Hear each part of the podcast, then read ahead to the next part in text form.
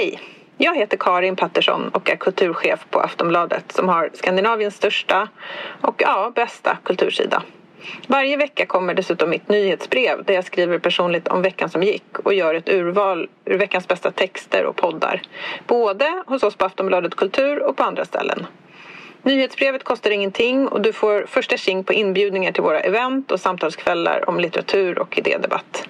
Gå in på aftonbladet.se kulturbrevet och bli prenumerant.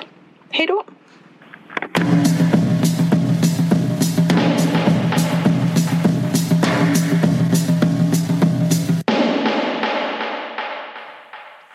Jag läste en ny bok mm. som heter Halva Malmö består av killar som dumpat mig. Mm. Det är, det är en rolig titel. ja, och väldigt snyggt omslag. Det är sån här 70-tals estetik.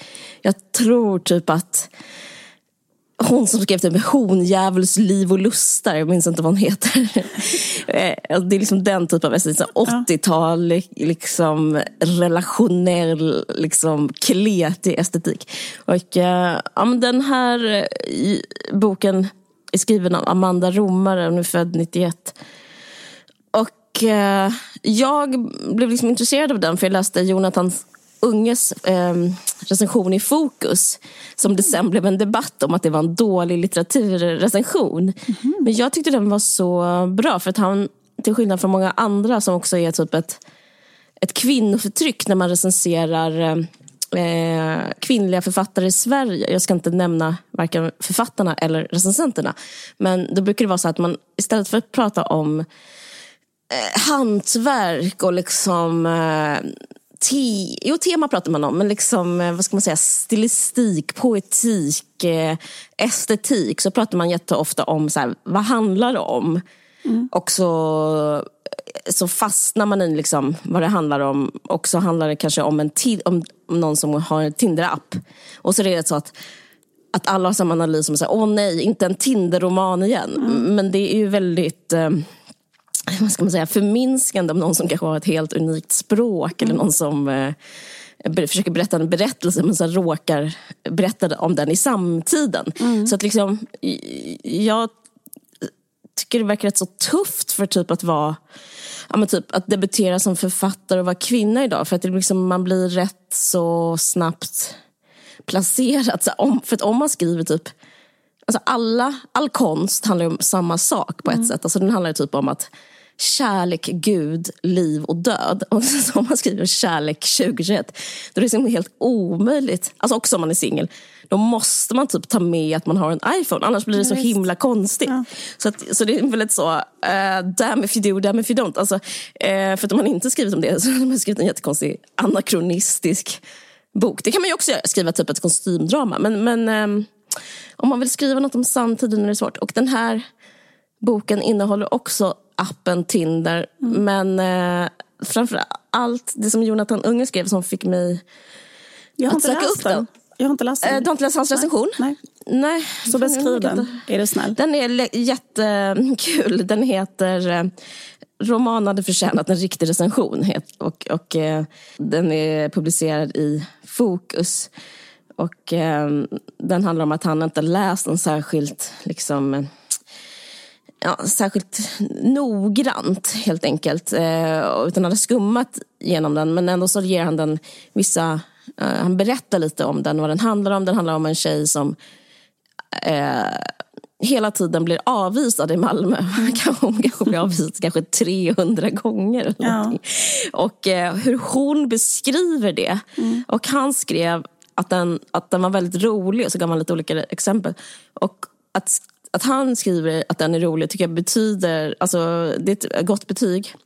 Men det intressanta med det är att jag vet inte om han, var, om han är så briljant själv eller om han liksom bara by, eh, vad heter det? Eh, vad heter det när man blir, eh, man, någonting händer av slumpen. Men det han lyckades med var ju liksom egentligen också prata om vad det är att skriva en recension. För att alla skummar ju böckerna. Det var bara att mm. han erkände det liksom. Mm. Och eh, han erkände liksom att den, alltså jag tror han skrev om så här, men den typ av effort i att skriva den här boken mot att jag sitter här och typ säger något jävla skit. Det är helt sjukt. Ja. Vilket, vilket, han har ju rätt i. Ja. Eh, så han kände sig liksom ovärdig. Alltså bokens liksom tyngd versus hans lätthet i att sitta där och fakturera sju, jag vet inte, 7000 kronor för 3500 eh, tecken. Liksom. Och mm också har hon ja, men typ, skrivit någonting som är nytt, roligt och liksom förändrande och liksom politiskt. Och liksom, ja, det, var, det var faktiskt ett väldigt bra sätt att, liksom, eh, att driva ner de barriärerna. För annars är det liksom som en maktposition att ha. Att bara säga, sitta och liksom säga något drygt om en bok eller något lite smart om en bok. Och så vet man, eller man kanske inte vet det, men jag tror att många då Eh, gjorde precis som han gjorde, skummade. Ja, men, och, eh, det om det om honom, jag ska liksom inte fastna eh, hos honom. Nej, men det jag, tyckte var, så jag började läsa den och den är väldigt rolig och den är väldigt bra. Och det, men det som är bra med den skulle jag säga är att, jag vet inte hur jag ska förklara jag tror du också varit inne på det här, eller om vi har pratat om det här i podden, att just nu lever vi i en tid där alla framställer sig själva väldigt mycket. Mm. Alltså till och med när man är dålig så framställer man sig Verkligen. som dålig på ett bra sätt kanske. Och eh, det är så himla genant att prata om eftersom det är så sant. Alltså jag tänkte ta en, bara en stor kändis så inte jag behöver peka ut någon speciell. Men jag tänkte till exempel hur Karina Berg är på hennes Instagram. Mm. Som att då kanske hon äter en plopp. Mm. Och så säger hon så här, det blev ingen träning idag heller. Mm. Eh, men plopp är väl, har väl, det är väl hela kostcykeln.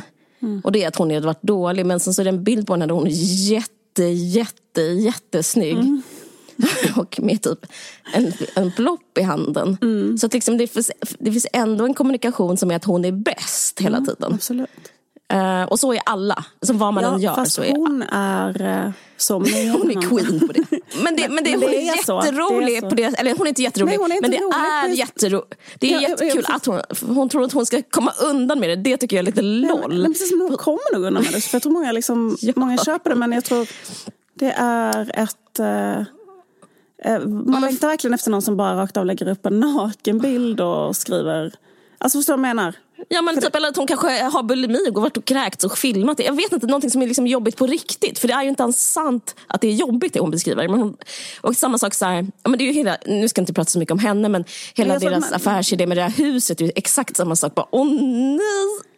Vi har köpt en villa med sjötomt i Stockholms skärgård. Den är säkert bara värd, den var värd 12, nu är värd 20 efter renoveringen. Alltså det är liksom exakt samma typ ja, av um, framställning. Det, det är det jag ska säga, mm. att det här är inte bara hon, utan Nej. det här var bara ett exempel. Det här är verkligen alla, mm. vart man än vrider och vänder sig. Alltså om man så går in på Kajsa Ekis Ekman som är emot ja, ja, något som har hänt i Chile. Eller om man är emot, ja, Gud, liksom, eller om ni kikar in hos mig som berättar mm. någonting om en maträtt. Jag vet inte, men överallt så liksom är det självframställning mm. där liksom summan av den ekvationen som är bild och text alltid blir att man är, är bäst på något sätt, eller mm. snygg eller liksom något sånt där. Mm. Och då så läser jag den här boken och så är jag liksom helt i chock för att eh, eh, den här boken är inte så. Och det är nästan som att jag typ så tar upp den och så här, vri, kollar liksom under den. Det är som att den är liksom något, som ett annat väsen nästan. Wow. För att hon berättar om ett jag som, eh, vad ska man säga, säljer ut sig själv i en vision att berätta en sanning. Vilket, det var så länge sedan jag läste någonting som var så för den är super självbiografisk. Den är typ säkert rakt av eh, hennes liv. Men, men jag menar den här det litterära universumets sanning är hon så fruktansvärt lojal mot. Så att hon som eh, jag, alltså hon som det självet i boken, eh, har liksom inte, eh, måste underkasta sig det hon vill berätta. Och då så berättar hon eh, så otroligt brutalt om hur det är att vara på riktigt, inte bäst eller mm. snyggast. Men ändå som en snygg tjej, men som bara liksom inte blir älskad mm. av killar och bara hur det är. Och inte som att med en sån grej som man själv kanske hade fallit in i om man fått den spotlighten på sig. Att liksom kanske säga att den andra är kanske är dum eller ful. Mm. Ut, utan det var liksom inte det det handlade om. Hon bara berättar om så det psykologiska skeendet när hon eh, återigen får ett sms efter andra dejten som är Eh, det känns inte rätt just nu. Jag hoppas du förstår. Ta hand om dig, kram. Så berättar hon det liksom om och om igen jättesystematiskt. Och eh, wow. eh, jätteroligt. Och det finns liksom inget eh, understråk av coolness. Och i roman, alltså, på Instagram tycker jag man nästan man får göra det. Det är nästan det forumet att man ska få liksom ha ett understråk av så här, jag är en cool person egentligen, jag är snygg. Men, men just så här, i litteraturen så är det som att det kan förstöra en hel bok. Eh, och jag känner mig väldigt så här, jag skriver min bok just nu. Jag kommer gå igenom hela min bok efter det här med liksom en detektivs eh, blick. Leta om jag liksom har råkat få in liksom en slags slutsats som är så här, att mitt jag är bättre än världen den lever i. För det är så jävla oattraktivt och det är så jävla olitterärt och man hamnar liksom i sanningslöshet. Och det, då blir det så helt ointressant. Jag, inte, jag fick en sån litterär insikt. En författare ska vara lojal mot sanningen, alltså den litterära sanningen. Mm. Och här är det att vara en totalt pajig brud. Alltså hon är helt off. Alltså helt off. Hon liksom... Eh, alltså hon gör fel i liksom den här kärlekens dramaturgi mm. och hon blir hela tiden utan. Liksom. Mm. Hon, hon är liksom o, oälskbar på något mm. sätt. Mm. Och eh, eh ska jag ta Förstår fram man i eh, boken varför? Alltså, eller menar, är det för att ja, liksom man förstår varför. Gör, jag vet inte heller. Hon gör fel eh, enligt... Ja, alltså hon är typ jättesnygg, en jättesnygg mm. tjej som bara är så... Eh, liksom snackar för mycket, för mm. på, eh, blir för besatt Mm. Eh, eh, liksom blir besatt av alla, mm. kan tänka sig alla eh, vågar inte säga liksom, några krav. Hon går hela tiden med mm. på att liksom, de hon träffar, att de ska liksom de vill oftast inte så kramas efter sex och det mm. liksom, tycker hon alltid är okej, som bara ligger där och, och liksom... Eh, alltså hon är som att hon har en förnedrad... Eh, hon är en förnedrad person och ingen vill vara med en sån jävla loser. Typ så känns det. Det, det, det, tycker jag kan vara en, en effekt som kan hända ibland om, alltså, alltså om man har blivit avvisad en gång så kan man liksom ja. ha kvar den kränkningen in i nästa möte. För man, det man söker är upprättelse från sin förra kränkning. Så man liksom mm. är redan så här, eh, kommer dit med ett begär som den andra ja. inte egentligen har något ansvar för men som gör en väldigt eh, oattraktiv så kan man nästan som samla på sig sådana. För då blir man eh, avvisad igen och då har man ännu ja. större behov av att eh, bli bekräftad. Mm. Och så man har ännu mer konstig så här, hunger. Och, superkonstigt. Superkonstigt, exakt. Så man måste... Eh, precis, att det, det, det, det kan jag känna igen mig att man kan, man kan liksom fastna i en sån loop. Ja, där man du behöver, beskriver den loopen ja, jättebra. Ja, jag tror att alla som varit singel en litet tag, för det är ju att vara singel, ja. att, att liksom, om man inte blir ihop med första man typ eh, har liksom lite vibb med så, så blir man ju avvisad istället. Och då liksom, man blir ju avvisad tills man blir ihop, eller så avvisar man själv. Exakt, liksom, eller kan man avvisa själv och det kan bli en annan slags loop. Men just den här slags loopen är liksom ändå, mm.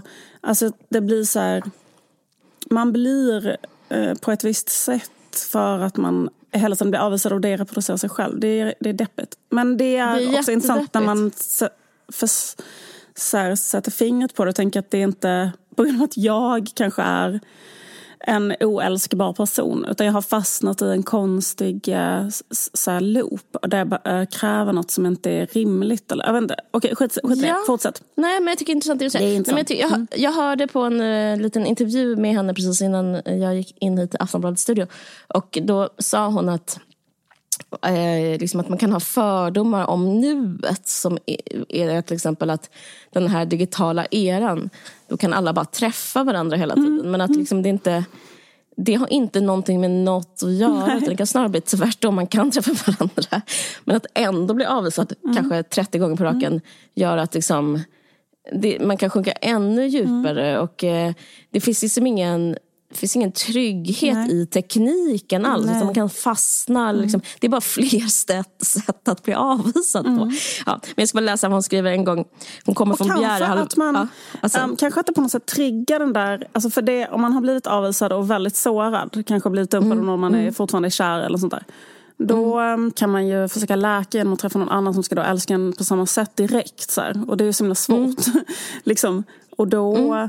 Eh, om man lever i sån digital tid, då kanske man eh, ändå ha möjligheten att liksom gå på en dejt en timme efter att man har blivit mm. dumpad. För det kunde man inte på vår tid. Alltså, liksom. Men, eh, men då, så då kanske den där, den där spiralen kan spinnas igång snabbare. För det man behöver är ju då liksom att vara ledsen såklart, färdigt liksom, och så vidare. Ja, precis. Men eh, det kanske kan nästan bli så att det blir värre. För att man kan så här, var, var, varje dag efter jobbet kan man gå på en ny dejt egentligen. Ja. Vissa. Det är liksom som, som att vara i helvetet ja. på något sätt. Nej, men hon skriver, men det låter, jag tog med ett citat, eller jag skrivit upp några stycken för att det låter som att det är en deppig bok. Men, skrev, men hon är så otroligt rolig och det, det, hon är bäst när hon går in i detalj. Hon, eh, hon kommer från Bjärehalvön. Den heter, titeln har ju, innehåller Malmö och den är liksom väldigt Alltså väldigt kul att läsa utifrån ett Skåneperspektiv. Hon sätter verkligen Skåne på kartan. Mm, ja, och hon är från Förslöv Malmö. Eh, eller Grevie kanske det heter, jag vet inte. Men hon är från den Bjärehalvön och eh, åker hem då och liksom ska hjälpa sin mamma. Och då åker hon liksom igenom sitt liksom emotionella landskap, alltså där hon växte upp. Och så åker hon förbi en golfbana och då skriver hon så här. Eh, hon, har, hon har ett tjejgäng, en tjej heter Jabba, en heter Lilleman. Ja. Bussen passerar även Jabba och Lillemans barndomshem och golfbanan där jag en gång erbjöd killen jag var kär i att vara hans caddy och sen svettades sönder under sex timmar när jag skulle försöka hänga med honom och hans spelande kompisar med den hundra kilo tunga bagen på ryggen. Men det är så kul liksom att, att vara den personen. Liksom. Att gå omkring med en ehm, um, sån... och bära någons golfklubba. Ja, det, är det är också jättekul. En annan jag pratade med sin kompis som blev behandlad som skit av en pundare. Då skriver hon så här. Jag kommer ihåg att Ronja en gång dejtade den som behandlade henne som skit. Förutom när hon skulle suga av honom. Och han alltid var noga med att lägga en kudde på golvet så att hon skulle få ont i sina knän. det är liksom massa sådana bilder som vävs mm. ihop till liksom, eh, en liksom helt så jag vet inte, en extrem verklighet på något sätt. Och sen så berättar hon, träffar en, det sista citatet, men hon är på den här klubben som folk i Malmö känner till som heter Plan B. Innan mm. så var det, jag var där när det var en svart klubb, inte för att skryta, men, men det, sen bytte det namn. Men vad hette den då när, när den fanns innan? Cyklå? Nej jag vet inte. Som, som ligger i något industriområde i Malmö. Precis. Och där, där träffade hon en kille. Och det är så kul för att folk, apropå typ den här Stockholmsdebatten, man försökt beskriva varför man hatar hipsters och sådär och ingen har liksom riktigt lyckats. Vad som är så jävla sjukt med hipsters och varför de är så vidriga människor. Men då beskriver hon hur det, hur det är att träffa en hipster på ett, ett sätt som, liksom, ja, som verkligen tar hem priset. Det här är 10 av 10. Då står hon där i baren och tittar ut över dansgolvet. Då ser hon en kille som har en viss typ av pottfrisyr. Så hon liksom råkar fastna med blicken på den där frisyren. Och då går han, han, stegar han fram till henne och då säger han så här. Jo, jag var först i Malmö med att ha den här frisyren. Sen har alla andra hakat på. Jaha, hörde jag mig själv förbryllat. Förbryllad över att han bara kommit fram. Förväntade mig nästan att han skulle fråga om badrummet eller något. Och så säger han. Jag var först med att skaffa en cykel som man inte cyklar på utan bara går bredvid för att det är trendigt. Och sen så berättar han att han även var först med en ryggsäck med samma funktion som cykeln. Alltså ingen, den är helt tom. Men man har den bara på sig. Och att det var jättetrendigt och han skapade den trenden. det är så himla kul. Jättekul. Exakt så envist att ja, människa. Man bara, är du, helt, är du helt sjuk i huvudet? Liksom. Sen går hon självklart hem med honom också. Ja. Eh, och så är det hela tiden, och sen så säger, sen dumpar han henne. Och så är det liksom att alla är liksom helt debila. Oh, eh, och sen så, och liksom, hon måste bara röra sig med de här människorna hela tiden. Nej men jag, jag ska bara säga lite om Hanna igen och prata om hennes sätt att skriva. För jag tycker det är intressant, själva genren som är en så jävla svår genre som är skickligt skulle jag nog säga. Men som inte är dålig. Alltså mm. skickligt som inte är helt debil. Jag har läst eh, Bridget Jones eh, dagbok. Eh, jag gjorde det typ när jag var 20. För att, alltså det var väl innan man började se på massa serier och sånt där. Och då minns jag den som också så här, liksom samma... Den var typ så här också rätt så rolig. Liksom, det är ett litet universum fullt av liksom misslyckande och skratt. Mm. Och jag undrar om den här boken liksom, ska man säga, skulle kunna uh, härledas till någon slags brittisk wittiness. Alltså den är liksom mm. lite så, om du mm. förstår. Mm. Uh, och lite så, uh, jag tänkte också på såna gamla filmer med Stephen Fry. Typ så de, alltså föregångarna till Mm. Fyra bröllop och en begravning. Det finns en som heter Peters Friends. Liksom massa vänner träffas på ett gods och bara fånar sig. Liksom, och alla har ett dåligt kärleksliv. Och liksom, ah, det bara liksom inte funkar och någon är olyckligt kär i någon. Men liksom det finns någon slags skratt i grunden. Så, och det är väldigt så här charmant kan man säga. Ett charmant liksom... Eh, det är en charmant genre. Det låter underbart, jag blir sugen på att Ja. läsa. Ja, du måste läsa den, den är jättekul. Du kommer skratta. Man, till slut bara stryker jag under allting för den är så rolig. Jag har precis läst en annan bok som, handlar, som är bra på att beskriva sex. Den där eh, Beautiful World, Where Art Thou? Art thou eller fan, Den där med Sally Rooney. All, mm. För hon som är ju jättebra. Jag fick den skickad till mig på grund av att jag klagade i podden. Känner mig som Och du är sån äkta Läckberg som får typ hotellnatt efter typ att du har sagt att något är dåligt. Det var underbart. Ja, men då ska du läsa den. Nej, men för den, är liksom, den är typ rätt så eh, bra på sex, att beskriva sex. Eller beskriva bra sex. För jag tycker, det litterära sättet att prata om sex är egentligen... Alltså det är så jobbigt när man läser bra författare för man känner sig så dålig själv. Alltså, som jag skriver typ om sex skriver jag alltid typ ett misslyckat sex. För det känns liksom mer liksom mer att ösa ur på något sätt. Eller liksom det finns mer undertext och det finns mer psykologi gratis. Och, men eh, både Sally Rooney och Amanda Romare beskriver liksom njutning på ett sätt som är Gud vad svårt. Ja. alltså, svårt. Men typ också så här, jag tror att det, att, man, att det är svårt att göra det utan att darra på manschetten för att man är rädd att hamna liksom i så uppkåtarstämning om du förstår vad jag menar. Att inte hamna så i sexnovell. Det var svårt att hitta orden för alla ord känns så, um, ja men exakt, använda Ja, hon i sådana sammanhang. ord som kuk och sånt där. Men Ja, eller typ så ändå att man liksom ska att skriva någon sån eh, metaforisk omskrivning känns också så fruktansvärt så här, svårt och eh, liksom, ja men det är svårt att hamna rätt. Mm. Men jättesvårt att, att hamna rätt. Men eh, det kan vara typ att hon blandar det med, eh, alltså med en ärlighet. Till exempel skriver hon väldigt så bra typ om onani och porr också. Typ att så här, alltså det är liksom, jag tror att det blir väl dåligt om man skriver någonting som är inte sant åt båda hållen. Typ, allt sex är underbart. Typ, jag tänker på hon Mar- Margot Dietz. Eh, hon har ju skrivit nu en, Erotisk. en erotisk novell. Roman. Precis. Roman, okej. Okej, eller? Och då är, Jag vet inte om det är, men det är väl en hel bok? Det är väl ingen, inte en novell? Det var jag som sa novell, men jag sa, menade det amerikanska ordet. Engelska ordet. novel. Ja, a precis. novel. Sex Erotic novel. novel, ja, precis. Ja, erotic novel. Ja, men precis. Och den är liksom att den... Alltså den är förnedrande för, den- för den som skrev den, den som läser den och liksom alla. Eh, och den ska ju vara uppkåtande liksom, men den... ja, Alltså jag tror att det är svårt att liksom hamna i en slags... Alltså vara liksom ärlig med sex på något sätt. Men jag ska beskriva hur hon skriver om onani. Har dåligt samvete över att jag gick in på Pornhub. Vanligtvis håller jag mig till sexnoveller av PK-skäl. Men har varit så deppig av alla dumpningar och dissar att jag var tvungen att få igång min sexlust och då behövs det grövre artilleri än noveller. Fantiserar jag enbart slutade med att jag måste avbryta för att någon sorglig tanke kring bartendern, alltså en kille hon dejtar, dyker upp. Mitt pullliv är utrotningshotat. Jag var desperat. Det blev en obehaglig video dessutom. En av de mörka som jag blev kåt av men har sjukt dåligt samvete över efteråt. Japp. Orgasmen var skön i alla fall. det, är liksom, det är så himla bra tycker jag. Liksom så, jag menar att liksom hon säljer ut sig själv totalt. Hon, är, hon är bara sämst där. Liksom. Eh, och så roligt att hon försöker vara peka om en sån novell. Alltså det är så roligt. För det är också en sån jättekonstig stämning nu med så här oärlighet med kvinnor och porr. Att liksom man ska ta, alltså den här diskussionen som jag inte orkar gå in på, men som, som du har pratat en del om i Stormens utveckling, att det finns här rörelser som är så långt ifrån Ja, de, är också väldigt de lögnaktiga där. Liksom. väldigt här, långt från människors liksom, Hur en människa är. drift och kär, k- kärna och känslor liksom mörker. Utan det, Ja, men det är liksom så här, att man lite missförstår vad sexualitet är. Typ att man tror att Ja. sexualitet alltså, är något som är med där i främre pannloben. Ja. Och det är det ju liksom inte. Alltså det är verkligen inte det.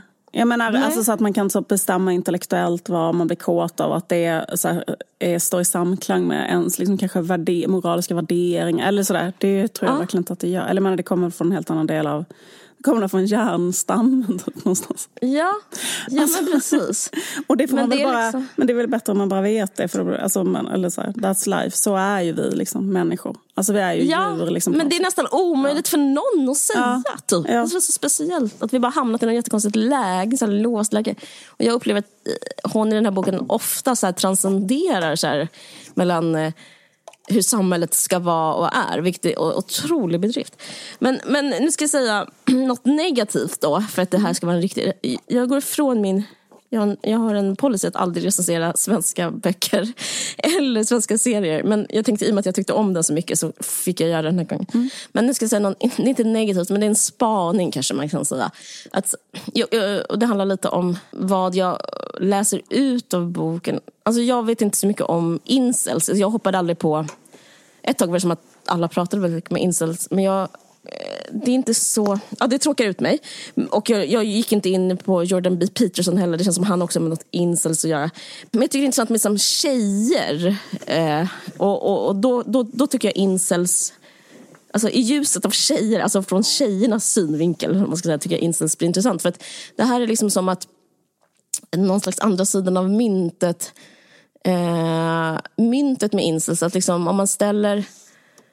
Eh, om man tänker att se- incels är någon, någon som objektifierar tjejer väldigt mycket eller som, har, som tror grejer om tjejer så finns det liksom också på den här sidan Alltså jag, jag tror att man skulle bara kunna egentligen säga att incels är en del av en större trend som är att biologism är så mycket på framfart igen. Alltså det tycker jag man märker, det här är jättesnabb passus, men jag såg den här metoo-serien. Och det som, eh, istället för så här, ha eh, metoo i Sverige hösten, metoo-hösten tror jag den heter i Okej. Sverige. Är det på SVT eller? Det är på SVT. Och eh, den var rätt sorglig att se för man fattade typ att inget hade blivit bättre och alla analyser hamnade liksom i en slags icke-politisk läge utan mer som Alltså, jag tycker, det jag har emot biologism är att man förklarar politiska skeenden med, liksom, med kön i stort sett. Och det jag, upplever, jag upplever att både incels är en del av den liksom, trenden och jag upplever att den här boken är lite en del av den trenden. För det som händer lite om man liksom eh, ser männen sådär, eller killar då och dejtandet på liksom det här avståndet och det här liksom mystifierandet, det här av, liksom, det, det outkomliga och det outgrundliga. Lite som så här, kvinnan är en enigma så tycker jag att boken föreslår typ att mannen är en enigma. Och då blir det liksom som att, att man fastnar väldigt mycket så här, i han och hon och killar och tjejer. Och, och sen tycker jag också man fastnar i liksom att man hakar upp sig så här, han har dåligt, dålig andedräkt, han är kort. Jag gillar inte blonda. Att det blir liksom som en eller han har fula skor. Eller han, eh, liksom som att det blir som att istället för typ så gå omkring i en hel värld och, och möta hela människor och liksom kanske har det så med konsumismen att göra, att man vill, så vill shoppa och typ så här, shoppa alla delar rätt på en människa. Eh, men det är någonting som, bara, som är um, rätt mörkt när jag läser om det och, och, och olika så här Alltså när du läser den här romanen? Den här boken Ja. som är liksom Att hennes inställning till, till män blir så här...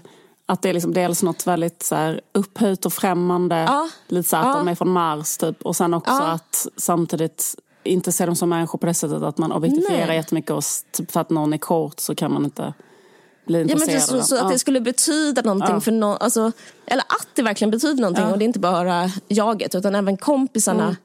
Att man liksom, allting är liksom olika egenskaper. Nästan som att eh, människan är typ ett objekt med attribut. Alltså det blir liksom någon slags nihilism eh, i det. Eller liksom någon slags maskinell värld. Jag, kan, jag, jag, har- inte riktigt en klar tanke men det är så jag, det är min fördom om incels, hur de ser på kvinnor. Så här, eh, de är såna och såna och de som ser ut så och så är så och så. Och om jag vill ha någon vill jag ha någon som ser ut så där och är liksom, Men också det för att man finns ser massa- kvinnor som Ja. väldigt ma- äh, mäktiga och hotfulla. Mm, och samma lite grann här, att man ser på män som väldigt mäktiga och man känner sig väldigt förtryckt av män och väldigt underlägsen män. För de känner Ja. sig också väldigt underlägsna kvinnor på något sätt, att kvinnor har det mycket bättre eh, än Ja. män och så vidare. Och här är det också på något sätt att man liksom kanske blåser upp Alltså kanske för att man inte är så nära Mm. män. För liksom när man känner eh, män, eller när man, eller jag vet inte. Men om man, det kan också vara om man har eh, bröder eller söner eller eh, nära relation med någon eh, killkompis mm. eller sådär. Att ibland när man har nära relationer med män så kan man mer förstå, alltså se mäns svagheter. Alltså se ja. vad som är svagt med män. Liksom. Och då blir det inte lika eh, så hotfullt kanske heller. Nej.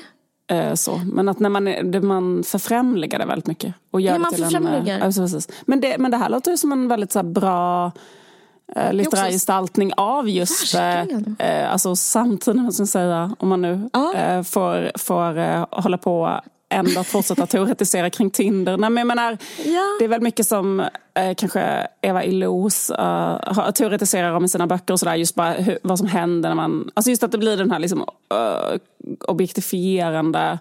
Ja. Uh, liksom, uh, I den här liksom serie monogamin om man ska säga.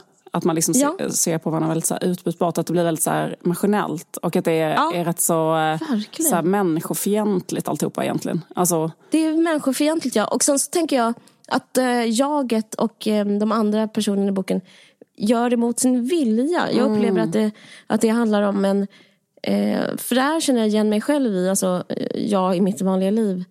När jag ville bli ihop med någon också. Alltså när jag var mm. singel eh, helt enkelt. Att då var det som att man hade liksom en, en bild handlar liksom om den, eh, den inre känslan, längtan och lusten och liksom vilja nästan att leva och liksom mm. fortsätta liksom, se vad som ska hända i sitt liv. Det, det, så kan det ju vara om man vill träffa någon. Men så fanns det liksom en annan grej som var att jag jämförde min, mina inre eh, tankar och känslor mot en objekt, objektiv bild eh, om hur det skulle vara. Mm. Eh, och så vet jag att många som vill skaffa barn eh, kan må väldigt dåligt av att de liksom eh, till exempel om de träffar en kille som säger kanske, ah, jag vill ha barn, så väljer de bort den personen. För att det är så här, nej men nu är vi 31 och då är det helt sjukt att alltså, man, liksom, mm. man är så blind för en, en norm och en objektiv liksom, det objektivt rätta. Att man slutar fråga sig själv och vara liksom i kontakt med sig själv och den andra. Utan man, en annan spelare som är bilden av lycka kommer in. Och det, det, tror jag att man... Alltså, jag ska inte säga det är så lätt att bara avfärda allting med Instagram. Men vi lever ju liksom i ett slags bildsamhälle där man liksom ska, som går att liksom mäta sig emot. Och så, där, så det kan också vara det. Jag, jag men, upplever liksom jättemycket så här, ja. i den åldern att, eller liksom att det man vill uh, var jättemycket att uh, eftersom jag vet inte hur gammal hon är. Men jag tänker så här, liksom 30. ja, okay. Men att det är rätt så tuff ålder så här, mellan mm. eh, så här, 20 fram till 30 då. Om de här mm. handlar om att hon blivit avvisade under många år. För att liksom, mm. det är Precis. Eh, också det där att man, det är, inte, det är inte riktigt det heller. Eller jag, jag kommer inte heller ihåg att det var så jättemycket att man verkligen ville bli ihop. Att det verkligen Nej. var det. Utan det var mer det att man vill ha ett människovärde. Och man ja. har inte det om inte någon annan Exakt. älskar en eller är kär en. Man ville vara att någon skulle vara kär i en på riktigt.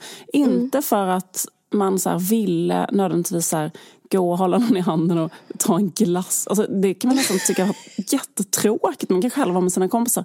Men det var liksom bara tanken på att om ingen älskar mig så inte jag liksom, det betyder att inte jag är... Alltså det handlar mycket om ens eget um, värde. Liksom ja. att, jag, att någon annan ska säga att... Uh, Hon känner att uh, något fundamentalt är fel ja, på precis, henne. Att, att man liksom vill ha en sån, uh, liksom ett bevis att man är mm. uh, så är liksom och så har man liksom ingenting när man är så ung för man har liksom inte annat. Eh, alltså nu tror jag att det inte är så ungt men jag menar, förstår du vad jag menar? När ja, man är ännu yngre, när man är 20. Typ när de skrev det. Liksom, ja, ja precis, men när, när, man är där då har man liksom mm. inte heller så här, mm, man har inte bevisat någonting annat eh, så här med sig själv.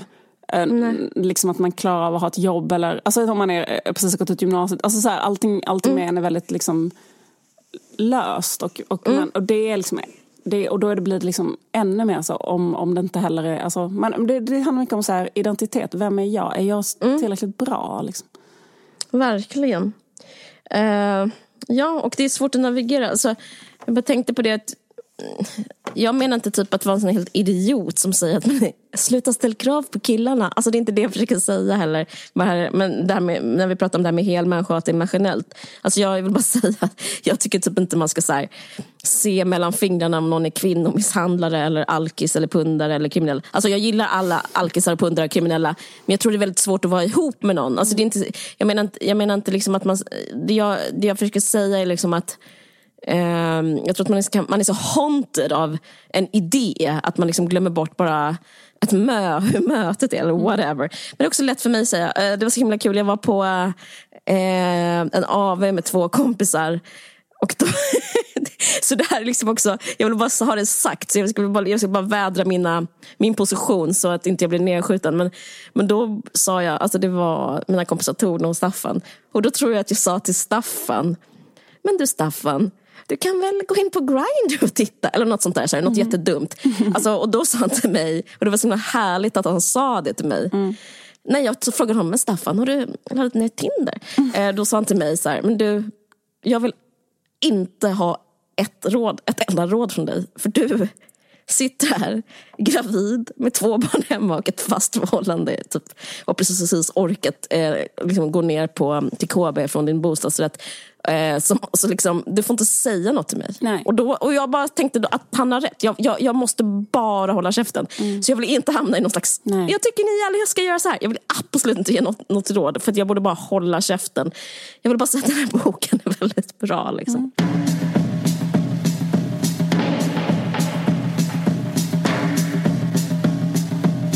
Fortsätter vårt fantastiska samarbete med Folkteatern i Göteborg. Mm. Och den här gången är det en upprorisk fest. De har dammat av klassiken Där borta i väst med pjäsen Rövarna mm. eh, av Schiller. Mm. Och eh, den kommer ha premiär den 12 november eh, på Folkteaterns stora scen. Och eh, scenen har fått ett helt nytt utseende. Scenografin består av mjuk olika heltäckningsmattor och lianer och, eh, och en bar. och eh, Både rövare och publik kan beställa dryck och tilltugg. Jag tycker det låter väldigt göteborgskt och liksom 70-taligt. Alltså jag, det låter helt härligt måste jag säga. Ja, verkligen. Och det är alltså Folkteaterns konstnärliga ledare Frida Röhl tillsammans med dramaturgen Magnus Lindman som har gjort en ny version av Schillers klassiska verk. Mm. Och eh, det handlar liksom om eh, vad utanförskap och eh, sökandet efter frihet gör med oss människor. Det känns eh, väldigt aktuellt. Liksom, mm. Individens läskiga, villkorslösa frihet. På något sätt. Mm. Och den spelas till, eh, till och med 18 december. Mm. Och vi har ett erbjudande som vi kommer göra så här. Vi har ju en Facebook-sida, mm. en Varje sök sin podd. Och där kommer jag posta en länk. Och då kan man gå in och köpa några biljetter, två stycken. Då kostar de bara 200 kronor. Och det här är liksom Folkteaterns stora scen. Så det är liksom maffig grej för en liten peng. Mm. Och då kommer vi posta dem. Så kan ni gå in och köpa max två eh, per person. Mm. Eh, och eh, jag rekommenderar verkligen att se det här. Verkligen. Och tack mm. så jättemycket Folkteatern för att ni supportar också vår podd. Tack Folkteatern. Tack. Vi har ett samarbete med tidningen Flamman. Mm. Uh, jag vet inte om du såg det där klippet på SD-kanalen Riks nyligen? Nej. Uh, det handlar om varför kvinnor inte röstar på SD, mm. men att män gör det. Och i klippet um, alltså det här är SD-personer som pratar, så säger mm. de att män är mer rationella. Alltså, därför är de höger. Mm. Typ, eller, liksom, eller inte mer än höger, därför är de SD. Mm. Um, och eh, de har jagat så mycket och så vidare. Medan um, kvinnor blir så... Jag minns exakt vad hon sa, hon sa typ som att vi tycker, vi tycker det är så himla tråkigt liksom det här torra snacket om budget och vi är mer mm. känslostyrda. Mm. Det var, jätte, det var deras förklaring. Det var deras förklaring. Det var jätteovetenskapligt, jättedeprimerande. Och, ja. Eh, ja. Det... Men det är ändå roligt att män styrs av jättegamla jak jaktinstinkter och därför är så förnuftiga. Ehm, ja. Precis om SD rikskanal och deras ehm, liksom propaganda som de håller på att bygga upp. Eh, det har Mattias Våg skrivit en artikel om i just Flamman som är den socialistiska veckotidning då. Och han har skrivit en skitbra, intressant analys eh, som handlar om liksom hur Sverigedemokraterna har startat en massa nya medier nu som har blivit som mm. ja, men ett slags här gapigt torg där de kan vara hur rasistiska som helst utan att partiet kan ställa sig svars. Liksom. Ah, så på så sätt kan partiet framstå som städade samtidigt som de liksom behåller banden till de radikala gräsrötterna. Eh, så det är en väldigt, väldigt intressant och bra analys av eh, Mattias Våg. Och det är exakt den här typen av underbar journalistik man kan få i Flamman. Flamman är Sveriges äldsta socialistiska tidning. Grundad 1906 i Malmfälten. Den är också rörelseägd. Det betyder att man kan köpa en andel i tidningsföreningen och börja bestämma grejer direkt. Just det. Och eh, bara för att nämna några saker som de har skrivit om på senaste tiden så är det att de har haft en marxistisk analys av incels. De har haft reportage om gigjobb i taxibranschen. Och eh, en text om ett eh, japanskt populistparti som lovar pengar och kärlek till folket. Och det som finns mm. planerat eh, framöver är liksom en granskning av Sveriges gröna investeringar i Norrland. Ett reportage om den kristna vänstern och väldigt, väldigt mycket annat. Eh, och de har också en ny podd, Norrskenet, där de intervjuar intressanta vänstertänkare.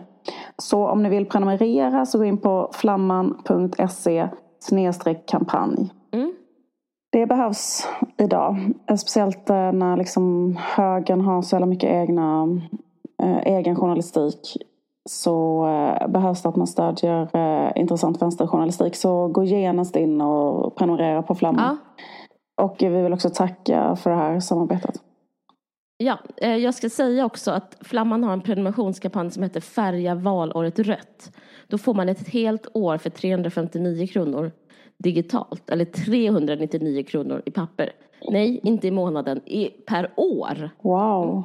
Ja, men tack så jättemycket Flamman, vad kul. Jättekul. Ni, jag ska direkt gå in och teckna den prenumerationen och få ja. papperstidningen. För det tycker jag är så mysigt. Att uh, sitta och liksom läsa en eh, tidning ja. och dricka lite kaffe och läsa något intressant som gör att man förstår världen lite mer.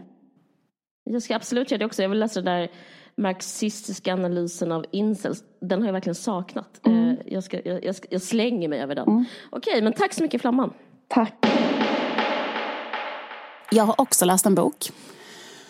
Och Kul. Det, ja, jättekul. Och det är boken Isabella av, eh, som är skriven av Isabella Löwengrip. Eh, och Rebecka Edtun Aldén.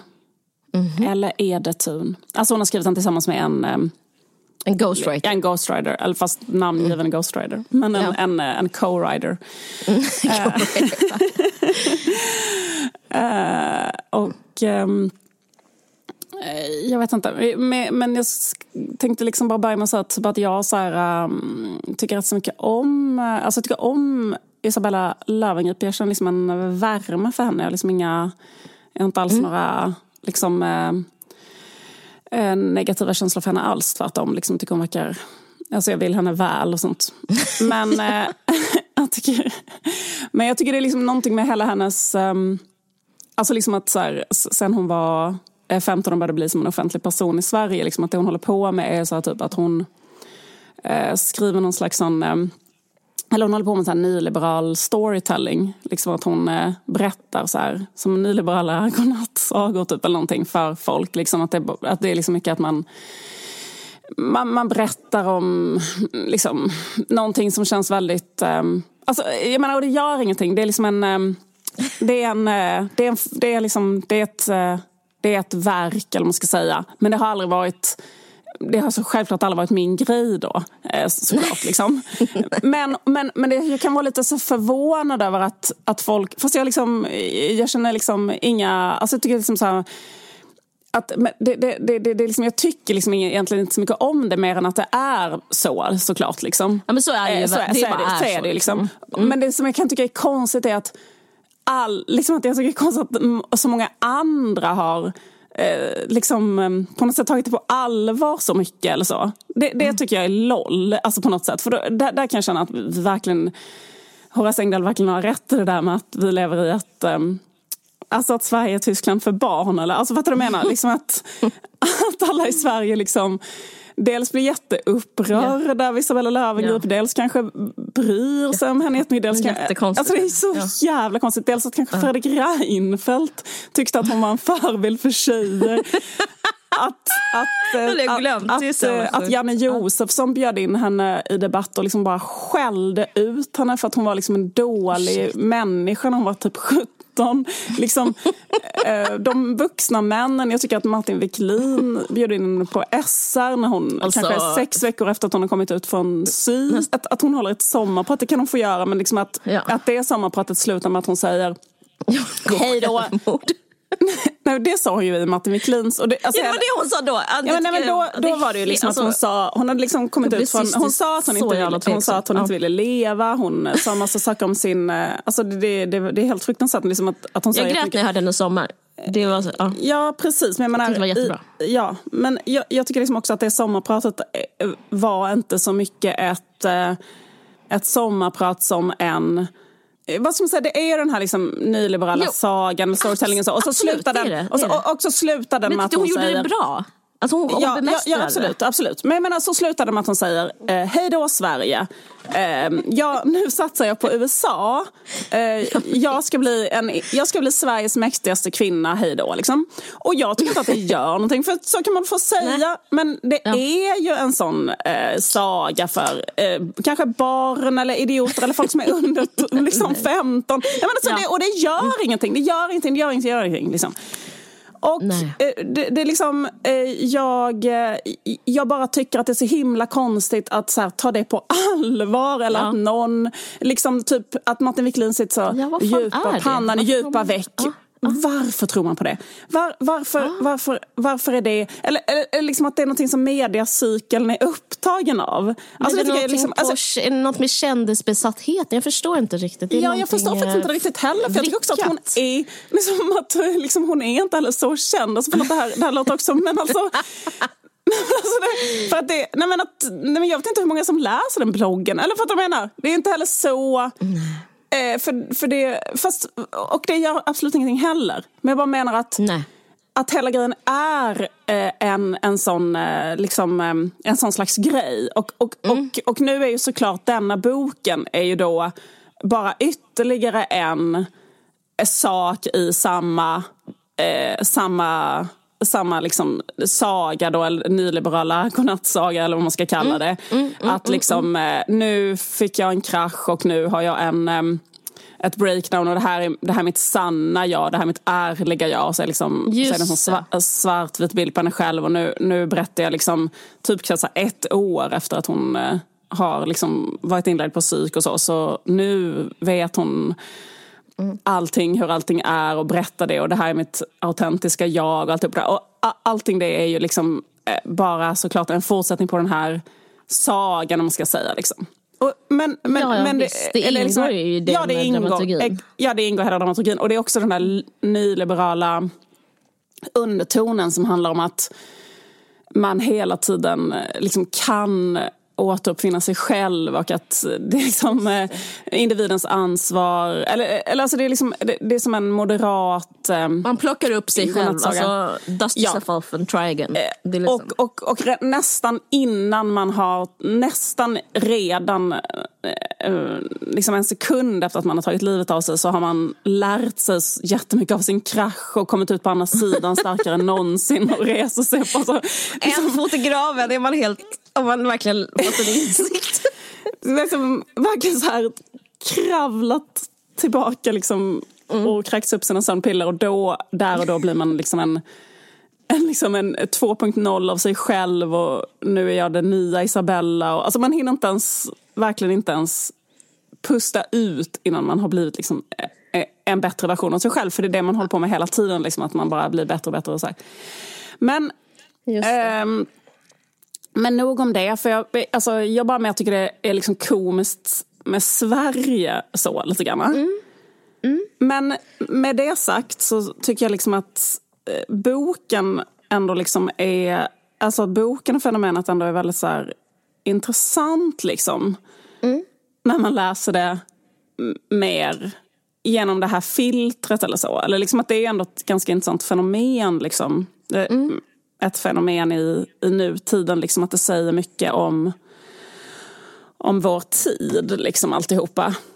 Alltså det, den vägen hon går nu, att hon berättar om sitt autentiska jag och sånt, att det är så himla liksom... eh, Det är så eh, planenligt, för det är nästan det enda hon kan göra. För du minns liksom när hon blev känd, alltså vi är liksom lite för gamla för att ha kanske så här, varit så fans av hennes blogg och sånt. Men, alltså, eller det är vi verkligen, eller jag verkligen är det i alla fall. Men, Men jag har läst den, jag vet inte vad det gör mig. ja, men jag, tycker- har läst den. Jag, jag läste den ett tag. Jag, jag läste den när hon var ihop med Nils. Så, så det var rätt så kul. För nu, Nils ehm, Odd? nu ber- berättade, Vem är Nils Eh, då? Nej men jag läste den när hon, Nils var den hon var ihop med innan Odd.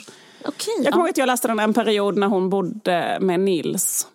Eh, och Jag läste när hon minns tillsammans med. Odd. Mm. Det var jättedeprimerande. Då, då läste vi lite olika perioder. Jag läste pre, eh, lite grann pre, pre hennes eh, barn och sådär. Men, eh, för, nej, men grejen är att, liksom att eh, det beskriver också ganska bra... Alltså att, att, att liksom när, när hon kom fram eh, så var det liksom en era, det var ju 2005, när det var så här inne att vara typ blond. Det är liksom också därför hon skriver att hon heter Blondinbella. Att det var en sån konstig epok i populärkulturen. Att vara så här, liksom att vara en, s- typ att vara en blondin var liksom, that, that was enough lite grann för att bara, förstår du hur mycket, kommer du ihåg hur mycket folk älskade blondiner under en period? Och det har man nästan glömt. Jag, jag har glömt Att det var men, liksom- men du har nog rätt alltså. Eh, Alltså det var ju slits, alltså det var mycket blonda tjejer med stora bröst typ. Alltså det var liksom den eran. Alltså typ så här, kanske Ja. i alla dokusåpor så skulle det vara liksom en, Just en det, det riktig var det ju. sån eh, k- galen blondin skulle vara med. liksom en, eh, Just det. Ehm, en, en, liksom, eh, en tokig blondin var en, ehm, Verkligen. en, en medial trop, eller vad man ska säga, på ett, på ett annat sätt än vad det är idag. Nu har man nästan glömt bort blondinen som eh, fenomen. Var liksom- Ja men visst, men jag, Det var- ja, absolut. Men, men att också vara lite så, den här skandalblondinen liksom. Mm. Och att det också var så här, i dokusåpa, hon beskriver faktiskt ganska intressant hur hon eh, skrev sina inlägg på sin blogg. Att hon, skrev, och hon jobbar ju väldigt hårt med den här bloggen, att hon gjorde fyra inlägg om dagen. Nu ska jag berätta lite för dig, Det bara för att liksom, det här kanske inte är så intressant som lyssnare, men jag vill berätta det för dig för att Mm. du kommer tycka att det är intressant. Då gjorde hon fyra inlägg om dagen. Då började, första inlägget var alltid dagens outfit. Jättebra som första inlägg. Andra inlägget var någonting som beskrev hur framgångsrik hon var. Alltså någonting som berättade någonting som, som hade att göra med typ, eh, du vet, eh, så glad idag för att eh, mitt bolag har börsnoterats. Eller, alltså, förstår menar? Eller typ, eh, eh, idag jätteglad för att jag har blivit inbjuden av unga företagare eller blivit listad som en av eh, Sveriges... Alltså någonting som berättar någonting sånt. Inlägg nummer tre eh, skulle vara en liksom, problematisk eller provokativ åsikt. Alltså I början skrev hon mycket så här, feminister är fula. Jag vet inte om du kommer ihåg det, men alltså hennes allra tidigaste persona. Men kanske att skriva så här, feminister har hängpattar, typ, är inlägg nummer tre. Och eh, inlägg nummer fyra är någonting personligt som är ehm, där hon är sårbar och berättar någonting om sig själv. Okej, eh, så, så här, allting var liksom, eh, var allting uttänkt innan? Var det, var Så liksom varje dag- Ja, sjukt. alltså varje dag. För att liksom, man, man ska liksom skapa, skapa bass kring sig själv i den där em, som handlar om något provokativt. För det kommer jag ihåg att hon höll på med jättemycket, kanske att debattera saker. Så här, tjejer som röker är äckliga kanske. Alltså typ att man skriver någonting sånt som alla kan förstå, alla kan vara med och debattera, alla kan bli ledsna, alla kan bli upprörda. Sen så berättar hon någonting personligt på kvällen och då var det som att alla skulle så här, förlåta henne igen. För då kanske på kvällen kanske hon skriver så här, jag eh, har så dålig hy, jag som är osäker, när jag var liten var jag mobbad, någonting sånt. Eh, och då liksom, eller typ jag blir näthatad. Eller typ jag är som är osäker av någon anledning. Eh, men det var bara så intressant att verkligen, det, det är verkligen en, eh, en så jävligt stark, eh, en jävligt stark fyrklöver av content varje dag. Ja men verkligen, verkligen. Eh, och det får nog folk eh, hooked också. Alltså det måste ju vara jätte... Verkligen. Alltså helt otroligt. Ja. helt, helt otroligt. Och väldigt, väldigt hårt jobb att göra fyra inlägg om dagen. Jättejobbigt. Verkligen.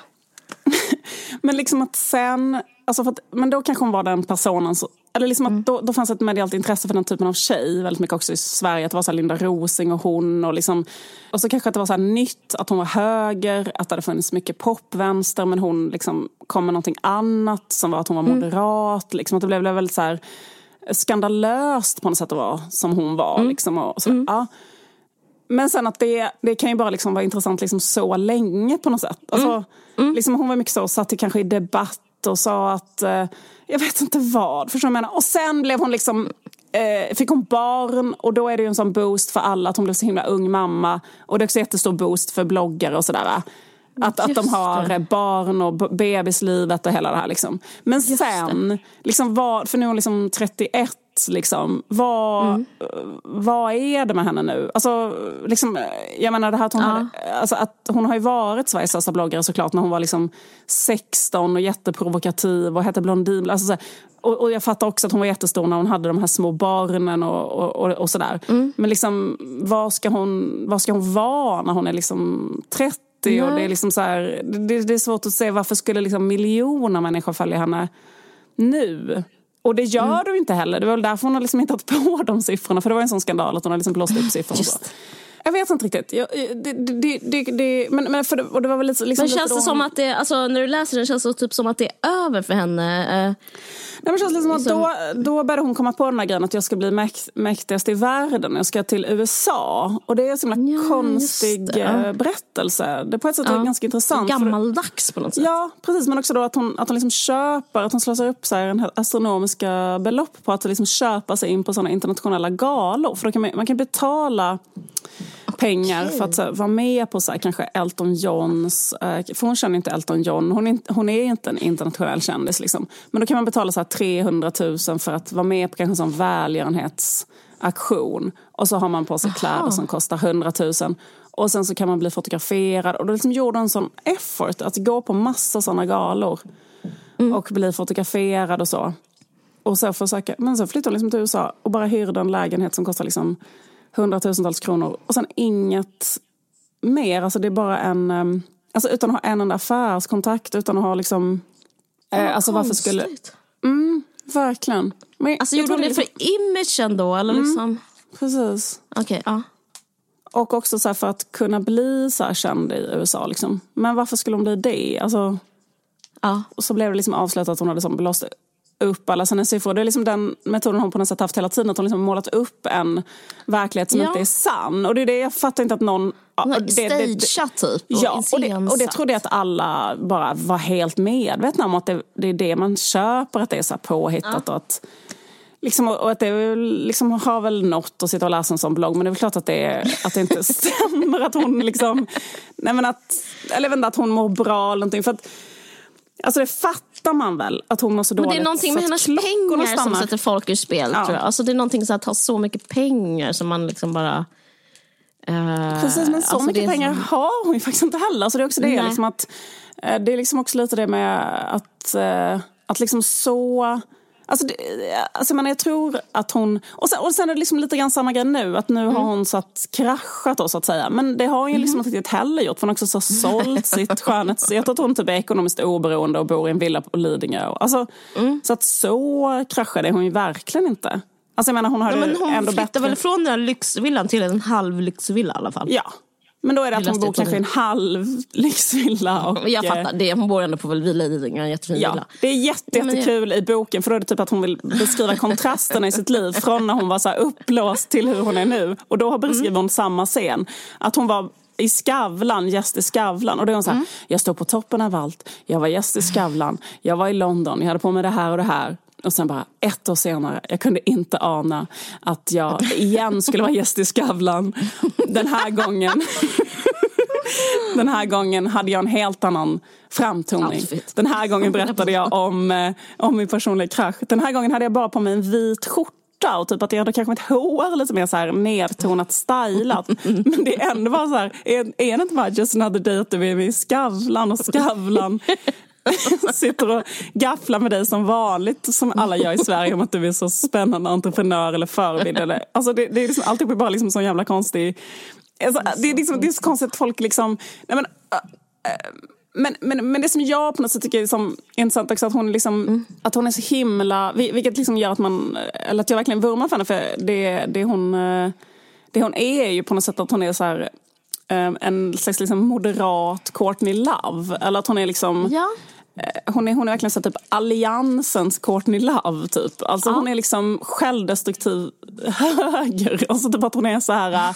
För, liksom, hur, är man, hur är man när man är liksom en höger tjej som Punk, är ja. helt urspårad? För att det är också det att hon mm. liksom, hon mår ju så dåligt. Alltså hon, det hon är, är som den där filmen med Angelina Jolie och um, Winona Ryder. Girl Interrupted. Då skulle hon kika fram där. Så. ja, precis. Så, så hon liksom...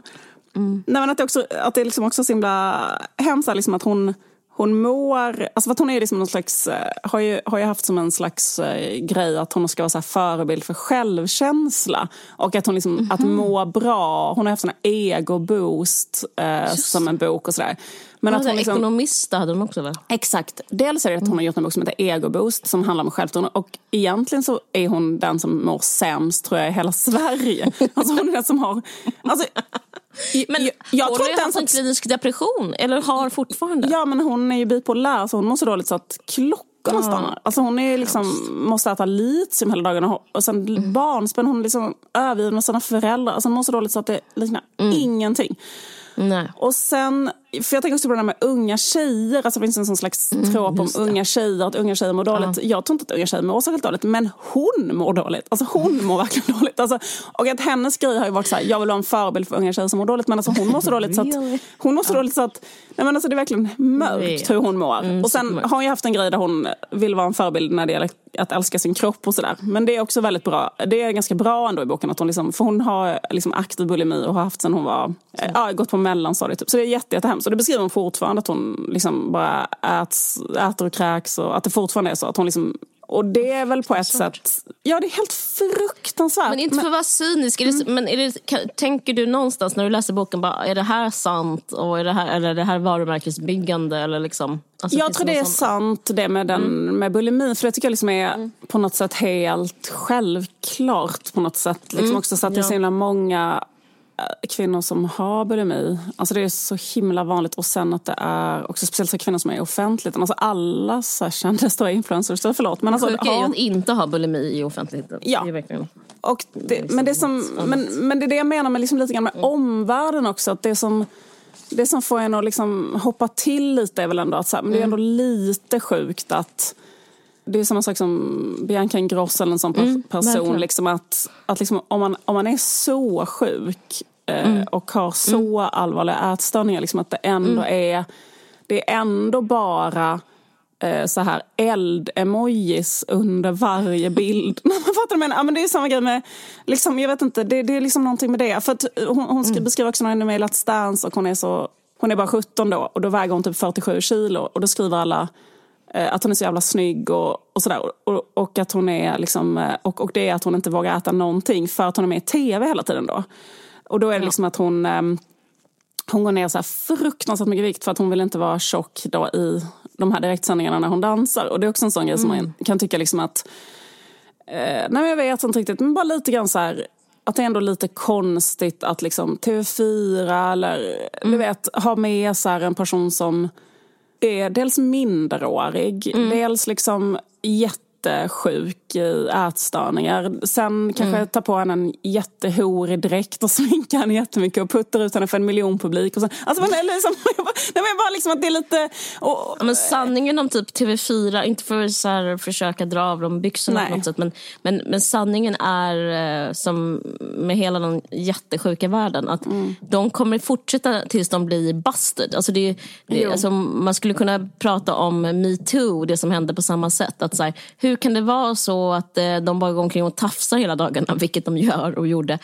Alltså liksom, det är bara för att ingen någonsin sa ifrån. Alltså det här är liksom egentligen samma typ av missförhållanden. Men det är ju så. Och mm. det känns verkligen som att liksom... Men det finns ingen kritik, jag tror det är det. Det finns liksom ingen såhär, nej så här kan vi inte ha det. Utan det är liksom något sätt precis, men jag, tycker, jag tror också det finns en annan sanning som bara är att man tycker typ att eh, det är snyggare att hon väger 47 kilo i 17 än att hon skulle vara, väga 67 kilo. Och så vill man bara ha henne där. Så är det ju, 100%. Ja, och, hon är... och, det, ja, precis, och det är ju det som är så här, verkligheten. Som är så, som är, ja, det är hemskt. Men det är där man får ta då liksom kanske en liksom good look at yourself. Liksom, mm. För det blir så konstigt då liksom att alla är mycket mer intresserade av en tjej som är jättesmal. Mm. Och ja. det förstår ju de så då bantar de på det sättet vilket är ett ganska effektivt sätt att banta ner så att man bara kräks upp varje gång man äter någonting.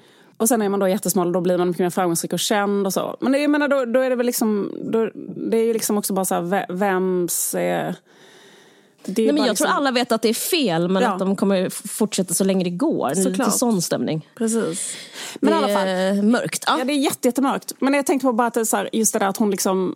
Nej men det där med att hon är en sån här moderat Mm. Liksom att hon inkarnerar som, eller det är att hon också skrivit en sån bok som heter mm. Ekonomista och sådär som handlar om ekonomi mm. och sen har hon liksom själv gått nu liksom i personlig konkurs. Men förstår du menar att allting är bara så här, att jag typ skriver bara om sådana saker men samtidigt så kanske hon är liksom en av de som har tagit oss sämst eller konstigaste ekonomiska beslut. Eller, alltså så här, mm. Det är någonting som framförallt är kontentan med hela boken och det är att mm eh, det är liksom att Moderaterna har fel. Eller liksom att, eh, alltså det är det mm. som jag tycker det är det man får med sig när man...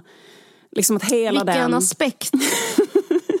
ja men att hon blev upplockad av Fredrik Reinfeldt som en slags förebild.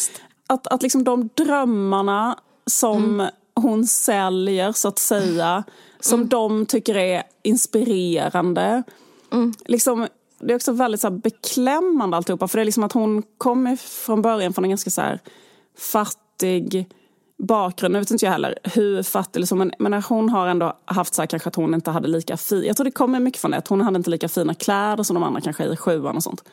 Och då mm. liksom ett sätt att få status förstod hon på Östermalm då var att liksom ha så statussymboler eh, då är det att ha vissa klockor, vissa väskor, vissa märken och sådär.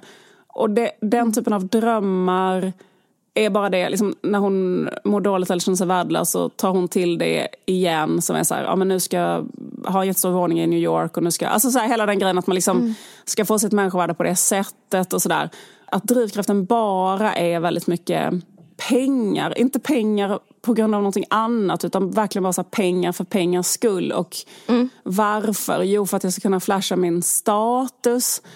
Mm. Och att det är så här, kärnan ändå i deras liksom, eh, vad ska man säga, idé om livet. Att mm. det ska alla människors vilja att köpa ännu fler sådana eh, jättedyra klockor ska typ eh, ses som ett bra livsmål. Eller liksom, det, det är på något mm, sätt ändå liksom. Men då, liksom, vilket de flesta människor vet, eller du vet, så är det så här, ja, men att välja det istället för att välja så här, nära relationer. Eller förstår du menar? Typ, mm. Eh, att kanske ja. vara med sina barn. För hon kanske då jag menar, för Helena flytten till New York, det var också så här, att hon skulle bo varannan vecka i New York och varannan vecka i Sverige. Och liksom, kan du tänka dig något sjukare än att vara så här varannan vecka på andra sidan Atlanten om dina barn är på... Alltså, ja, nej, nej, nej, nej, nej det kan det jag inte. Jag kan titta på någon eh, mer avancerad form av så här kvinnotortyr. Alltså än att ja. ha en Atlant. självskadebeteende. Nej men alltså det är helt, helt, ja. helt, helt, helt sinnessjukt. Alltså ja, typ att, verkligen. bara att åka så mycket flyg, liksom alltid är helt utflippat såklart. Ja, Men jag bara menar att, att det, liksom, vem är det som tror att det är så här framgång eller något aim efter livet. Jag, jag vill inte låta så här, men det, det, liksom, det, det blir liksom bara så här. Alltså, ja. det, det, är bara så jävla... Vad tror du, alltså, fattar du själv? Så här, har du ja, men det är väl Fredrik Reinfeldt som tycker det. Alltså. ja, ja, men det är väl det. För han gick ändå fram till henne där från efter Almedalen och mm. sa att eh, han tyckte att hon var en bra förebild för hans dotter. Och, liksom, det är de ja. människorna då som tycker att det här är så himla bra. Liksom. Alltså, Just det. någonstans liksom. Och, och, och liksom, jag vet inte riktigt. Det är ju så här... Ja, hon uppfyller de, de, deras drömmar på något sätt. Men jag bara menar att det här är liksom en mm. slags moderat självskadebeteende. Och hon, hon, hon beskriver ja, också liksom... Eh, Hon ska också det är roligt att hon är Courtney Love. Hon är, ihop med, hon är ihop med en daytrader också ett tag och det är också så intressant hur han är. För det slutar med Ja. att han, han köper och säljer då, ja, men som sagt, korttidsaktier, jag vet inte hur det funkar. Men då Nej. slutar det med att han blir skyldig eh, 34 miljoner. Just Alltså han går i det, personlig ja. konkurs. Och liksom varje dag köper och säljer och förlorar och vinner så här miljonbelopp. och då går man runt i någon slags extas. Det är som att, såklart som att ta jätte... Alltså som att ta vilken drog som helst. Men alltså, Ja. det är som att vara spelberoende och, och bara... Det är, det är ju det. Ja men det liksom, är att vara spelberoende Ja. rakt av. Och sen liksom så här, man är både typ ätstörd, alkis, spelberoende. liksom, nej men allt det där. Men liksom, det, det är inte heller för att säga att liksom säga någonting alls om det. För jag bara vurmar om henne Vilhelm väl. Jag tycker bara det är konstigt att vuxna människor kan, ty kan så här, tycka Ja. liksom... Eller överhuvudtaget... Ty liksom, Ja, det är konstigt. Jag håller verkligen Vad ska man säga? Jag tycker det är jätte, jättekonstigt. Liksom varför så Svenskt Näringsliv, eller vilka det nu är som gör såna listor, så här, Sveriges viktigaste människor. Alltså, så här, jag, jag bara tycker det är liksom en lite en... En Men jag har en känsla av att det handlar, liksom, det handlar dels om det här med Moderaterna men det handlar också om någonting om kändiskultur och Sverige som är också att Ja. när man väl har fått sina kändisar Ja. så har man dem man har. Alltså, fattar du vad jag menar? Att det är någonting med typ så här, ja men vi kanske inte gillar, vad heter han, Runar, men nu är han kändis och nu är han det. Så nu så har vi en loop, liksom, cykliskt kommer han komma igen i olika Hänt Extra-magasin och, och han kommer stanna där. Och sen så har vi några andra, och, och en av det är liksom gamla stallet. Alltså vi har också Anna Bok, varför, var, varför liksom, Ja. vi, då, vi bara har folk. Jag vill bara ha folk, precis. Som en slags trygghet, jag vet inte istället för religion eller whatever, men att vi var sån. Men, men att man bara är där och är där och är där och ingen vet varför. Men det är bara, det, också, det finns ju såna uh, jättekonstiga killar som har kändisar utan någon slags raison d'être. Jag vet han, Viktor som hänger med Maran Haag. Varför är han känd? Ja, precis. Men nu, han bara är det nu. Ja. Och nu ska han vara det. Och sen ska vi se honom när han är 80 typ. Eh, göra något slags extra nummer på Allsång på Skansen med någon, sjunger någon duett med någon. Och så kommer det vara, eh, Men- det är någon slags bykänsla i det Ja, hela. det är det liksom. verkligen. Det är det verkligen. Men en sak på när jag läste boken var att en sak som jag verkligen blev så imponerad av när jag läste boken. Det är att de verkar så jävla, jävla, jävla bra på att eh, träffa killar. Alltså det här är på något sätt en motbok till den boken du har Ja. läst. Ja, men För jag att- ska precis säga det, för att jag tror att eh, här- det, hon gör, hon, killar älskar Psychon. Ni- Har, kom, Ja. har du hört mig säga det Så, innan? jo men det är så, så är det absolut. Ja, det, för att den 100%. här tjejen i min bok, hon är inget psycho, hon, bara, hon bara anpassar sig. Det är det felet hon gör. Ja. För att, för att jag skulle vilja att, för att hon har skrivit jättemycket självhjälpsböcker och lanserar sig själv som en förebild för, för unga tjejer. Men vet du vad hon verkligen borde skriva en bok om? Det är hur man träffar killar. Ja. För att jag tror inte ens att hon, för hon har inte alls med det på ett eh, liksom, upplyft. Det är inte ett spår i boken alls. Men, men det är liksom, när hon beskriver andra saker som händer så är det bara en stridström av så här, det var när jag var ihop med Karl, det var när jag var ihop med Fredrik, det var när jag var ihop med Filip, det var när jag var ihop med Gustav, det var när jag var ihop med Linus, det var när jag var ihop med... Alltså Ja. de bara är där hela tiden. Ja. Och då är de verkligen så här en jättestabil hockeyspelare från Örnsköldsvik, Sveriges rikaste näringslivsman, en jätterik fotograf, alltså en daytrader. Alltså det är liksom, det är inte Det, är heller... allt, det, det, är, just det, är sina, det Ja. sinar aldrig heller. Det, går jättebra för henne. Nej, verkligen. Och, eller så här. En polis stoppade mig för fortkörning och bjöd ut mig på dejt. Alltså, det händer bara så, liksom det händer Ja. 24-7. Och Men jag typ tror hon är alla killars drömtjej faktiskt. hon, hon är det, hon är det, hon är det. Hon är så charmig och intagande eh, på ett Mm. sätt tror jag för killar. Alltså typ att, um, Och sen behöver jättemycket bli omhändertagen. För det beskriver Ja. också hela tiden. Att de Just blir det. som hennes pappa direkt. Så och så, för att hon har ju liksom brutit med sina riktiga föräldrar. Så, så att hon flyttar in i deras familjer och hon liksom letar upp. Ja, och blir ihop med olika pappor. Precis. Eh, Men och Det är tips också. Den här personen mår psykiskt bra i min bok. Alltså, att, så här, vara, att vara så needy. Eh, jag tror killar blir galna. Eller jag vet att killar blir galna av det. det blir väldigt det så här allvarligt direkt. Liksom att det är verkligen någon Men som... de känner sig eh, extremt viktiga som människor. Ja, visst. Det det. Och de är ju det. Då blir liksom på liv och död De det. direkt. Det är flodad. Ja, precis, exakt. Och det är ju väldigt eh, vad sexigt. sjukt. Det är Men, sexigt men också eh, jättejobbigt. Precis, alltså för, men för hon är också en förebild på det sättet att det är jättemycket så att hon bara gör slut om det är så här, um, blir för jobbigt. Alltså, så jag tycker liksom hela hennes, liksom, parallellt med alla de här andra då, liksom, sakerna som går dåligt, som verkar må dåligt, så finns det ett annat spår som är så här, fan vad hon är bra på att hitta Alltså det, det finns en sån här scen när hon träffar sin nuvarande kille. Och då är det så här, när hon ska träffa honom, att, det, att hon sitter på bänk, en bänk och väntar på att han ska komma. Och då sitter, kommer det en annan kille och sätter sig där. Och bara säger så, ah, jag känner igen dig och bla bla. Och då börjar hon tänka så här, oh, detta är sånt sliding doors moment. Tänk om den här killen är, är, är mannen i mitt liv. Men sen kommer den där killen hon skulle dejta och då blir hon ihop med honom. Men att hon är liksom öppen för, öppen för det alltid liksom. Att, ja. och sen, hon säger ingenting negativt om någon kille som hon har dejtat. Det tycker jag också är en sån här um, grej. Att hon liksom beskriver bara det som att um, men jag tror hon har varit liksom. Eh, förövaren. För att hon, hon skrev, jag läste intervjun, förlåt, men då, då skrev hon typ så här att, eller svarade på intervjun, frågan så var så här, ja men eh, sen när jag är trygg med killarna, när de ger mig och bevisar att mm. de liksom är allt jag behöver, då lämnar jag dem för då blir jag så uttråkad. Så hon, mm. Eh, mm. Så hon liksom dumpar dem Exakt, på ett sånt ADHD-sätt, tror jag. Just det. Det, det känns som att hon hon, men den handboken vill man ändå läsa. Typ, så här, för, för det får man inte reda på riktigt. Så här, hur gick det till? Vad, för att det tycker jag verkar så himla... Också att hon, att hon verkar äh, välja så jätte... Alltså verkligen högdjur. Alltså det är verkligen så en av Sveriges rikaste män blandat med en två meter lång jättetrygg norrlänning blandat med en... Alltså förstår du menar? Att det är liksom inte så här... Mm. Eh, alla är liksom också väldigt så här, verkar, verkar vara väldigt... Ja, men du vet hur Odd är. Typ. Alltså det, det är liksom en, mm. en bra... Eh, liksom, det, är inte något, eh, det är inte en sån pundare som eh, mm. ger en kudde. Liksom, utan det är verkligen så en... Eh, det är typ så här helt normala män. Mm, verkligen, verkligen. Så eh, jag vet inte. Men det, det tycker jag finns tips. en kompetens i ändå mm, att ta sig fram så. Eh, och få så, vad man behöver. Alltså att, om man inte får det från sina föräldrar kan man ju få det från andra relationer. Liksom. Verkligen. Mm.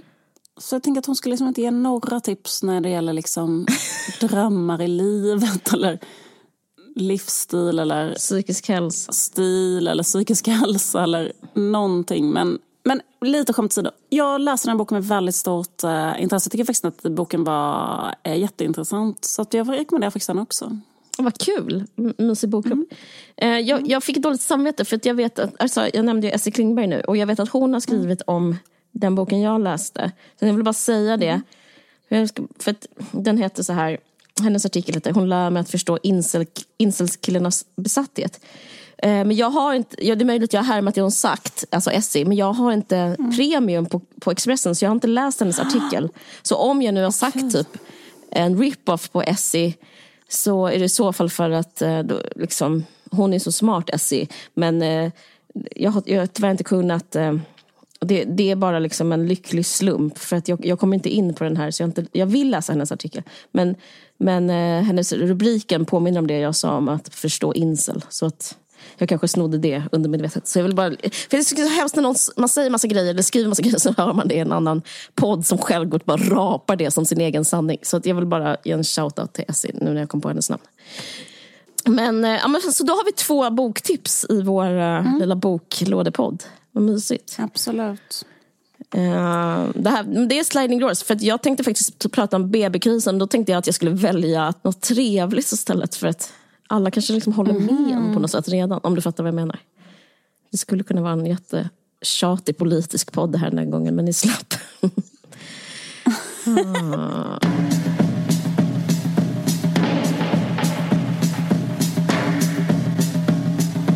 Vi har också ett samarbete med Bookbeat. Och Bookbeat är ju en ljudbokstjänst med över 300 000 olika ljud och e-böcker. Ja men precis och man kan eh, lyssna och man kan läsa och eh, ja, men det är som ett otroligt stort bibliotek. Inte bara på svenska utan på engelska och andra språk mm. också. Och eh, jag hittade en bok som jag letade efter så gick jag in och kollade på Bookbeat om den, om den fanns där och det gjorde den och det är den här familjelexikon av Natalia Ginsburg. Mm. Det är en klassiker. Ja. Eh, det är nästan typ som att jag blir arg för att den verkar så himla bra. Eh, så att liksom, det är så här, jag ska läsa beskrivningen. I den självbiografiska klassikern Familjelexikon tecknar Natalia Ginsburg ett kärleksfullt och oförglömligt porträtt av sin italienska familj. Genom en lika originell humoristisk roman och språk som historieberättande. Fadern Giuseppe, modern Lydia, ständigt på kollisionskurs, fyller huset med vänner, böcker och politik. Allt medan de fem barnen växer upp och Mussolinis skugga faller över landet. Wow. Den har fått jättebra recensioner nu i svenska. Den har liksom blivit nyutgiven på något sätt. Så att, eh, ja, den, den verkar liksom, eh, den är hypad och den verkar helt underbar. Och kanske någon annan också vill göra med mig. Jag vet inte, vi har ett erbjudande. Vill du berätta om det? Den här boken som jag pratar om i podden idag, Isabella Löwengrips bok, den har jag lyssnat på. Okej. På ljudbok, omväxlande läs på e-bok. Eh, Så det är ett väldigt eh, lätt sätt att ta till sig eh, böcker. Det är så att man kan växla mellan att läsa och lyssna tycker jag är väldigt praktiskt. Liksom, för då kan man Jättebra. lyssna under tiden man måste göra någonting annat, vilket man måste hela tiden. Typ hänga tvätt eller eh, laga mat eller vad som helst. Men det är så eh, trevligt att man bara kan slå på en ljudbok under tiden. Supermysigt. Ehm, och ni som lyssnar Mm. eh, kan få prova BookBeat gratis i 40 dagar och lyssna på så många böcker ni vill. Med koden En varg söker sin podd i ett ord. Ja. En varg söker sin podd med ett D. Mm. Då kan man prova BookBeat helt gratis i 40 dagar. Mm. Den är här koden gäller alla nya BookBeat-användare. Ja, precis. Så uh, gå in och botanisera. Det finns någonting för liksom alla åldrar och alla smaker. Så uh, ja, vi är jätteglada att Bookbeat hjälper oss att göra den här podden möjlig. Tack så hemskt mycket Absolut. Gå in Bookbeat. direkt och eh, Teckna. skaffa ett konto Ja. på BookBeat. Så Mm. att ni kan komma igång direkt. Ja. Bookbeat.se. Mm. Så tack så jättemycket för det här samarbetet BookBeat. Tusen tack. Det här är gratis det här avsnittet. Ja, Men det kanske ni vet tack så jättemycket lyssnar. för att ni lyssnar. Ja, tack kram. för att ni, att, ni, att ni är med oss. Eh, Det betyder allt. Puss och kram. Vi hörs om två veckor. Hej då. Hej. Oh, make me over.